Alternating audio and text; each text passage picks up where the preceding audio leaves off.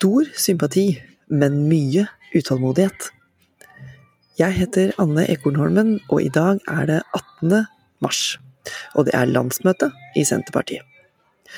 At Trygve Slagsvold Vedum står fram med MS-diagnose, betyr ikke at politiske diskusjoner blir lagt døde.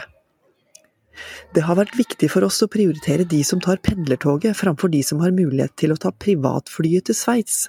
Vi har prioritert rett, innprenta Trygve Slagsvold Vedum. Samtidig som kystopprøret, med Bjarne Brøndbo i spissen, protesterte utafor landsmøtehotellet mot skattlegging av lakseoppdrett. Det som rysta Senterpartiet da de 350 delegatene samla seg i Trondheim fredag, var allikevel ikke verken demonstrasjonen eller at partiet registrerte rekordlave 3,9 på Richters skala samme dag, under sperregrensa på Sentios siste måling. Sjokket handla i stedet for ei stund, om Trygve Slagsvold Vedums MS-diagnose.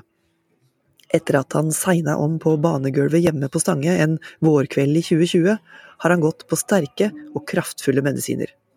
Og de virker, kunne han berolige landsmøtet med. Dramatisk, brutalt, det var sterkt, så tøft å være åpen. Vi blir minna om at det er livet, dette her.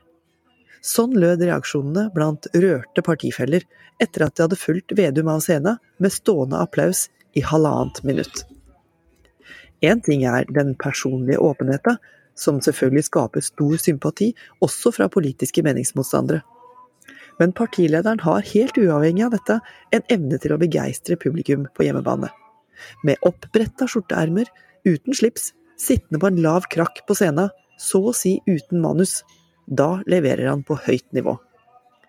Stikk i strid med den kritikken som ofte kommer når Vedum intervjues i pressa situasjoner og gnager repeterende på innøvde budskapsfraser.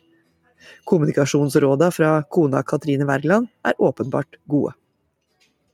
Fredag framsto han med troverdighet, nærhet og politisk kløkt. Fordi han klarer å sette egne opplevelser i sammenheng med Senterpartiets større politiske prosjekt å opprettholde, forbedre og hegne om verdiene Norge er bygd på. Han skryter av det offentlige helsevesenet og av fellesskapet som stiller opp når vi mennesker er på vårt mest sårbare. En sårbarhet og usikkerhet som mange har følt på gjennom det siste året. Og mesteparten av talen handla selvfølgelig om Senterpartiets politikk for å ta hele landet i bruk, ha nasjonal kontroll over naturressursene og bygge beredskap.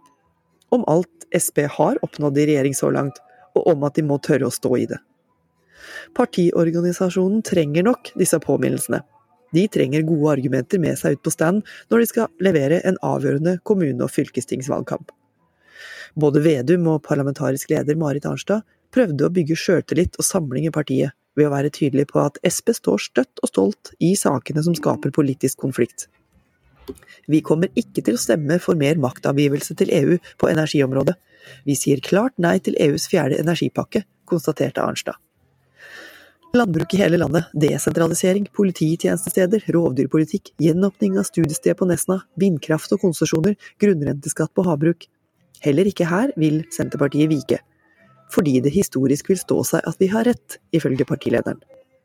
Senterpartiet mener at hun som sitter i kassa på Rema 1000 skal få mindre skatt og ha gratis SFO for sine barn, framfor at de som eier Rema 1000 skal tjene enda mer.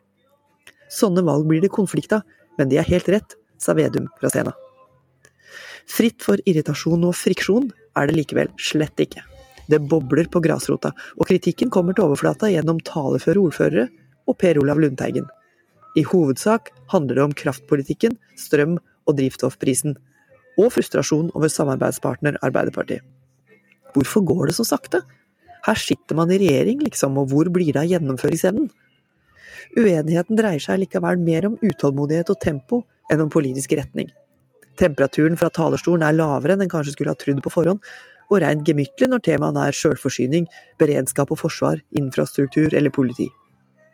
Vi kunne selvfølgelig gjort ting fortere om vi hadde 51 bak oss, som en av delegatene kommenterte tørt. Men utfallet mot andre partiers politikk rammer i hovedsak høyresida, som er uenig med Sp i statlig eierskap, les kjøpet av Meråker Bruk, om strømutvekslingskabelen NorthConnect som nå er gravlagt, og som i åtte år sentraliserte tjenester og arbeidsplasser. Det påvirker åpenbart dynamikken i et landsmøte han lederen åpner med en dramatisk nyhet om sykdom. En og annen kritisk røst i kommentarfeltene hevder han er en slu strateg.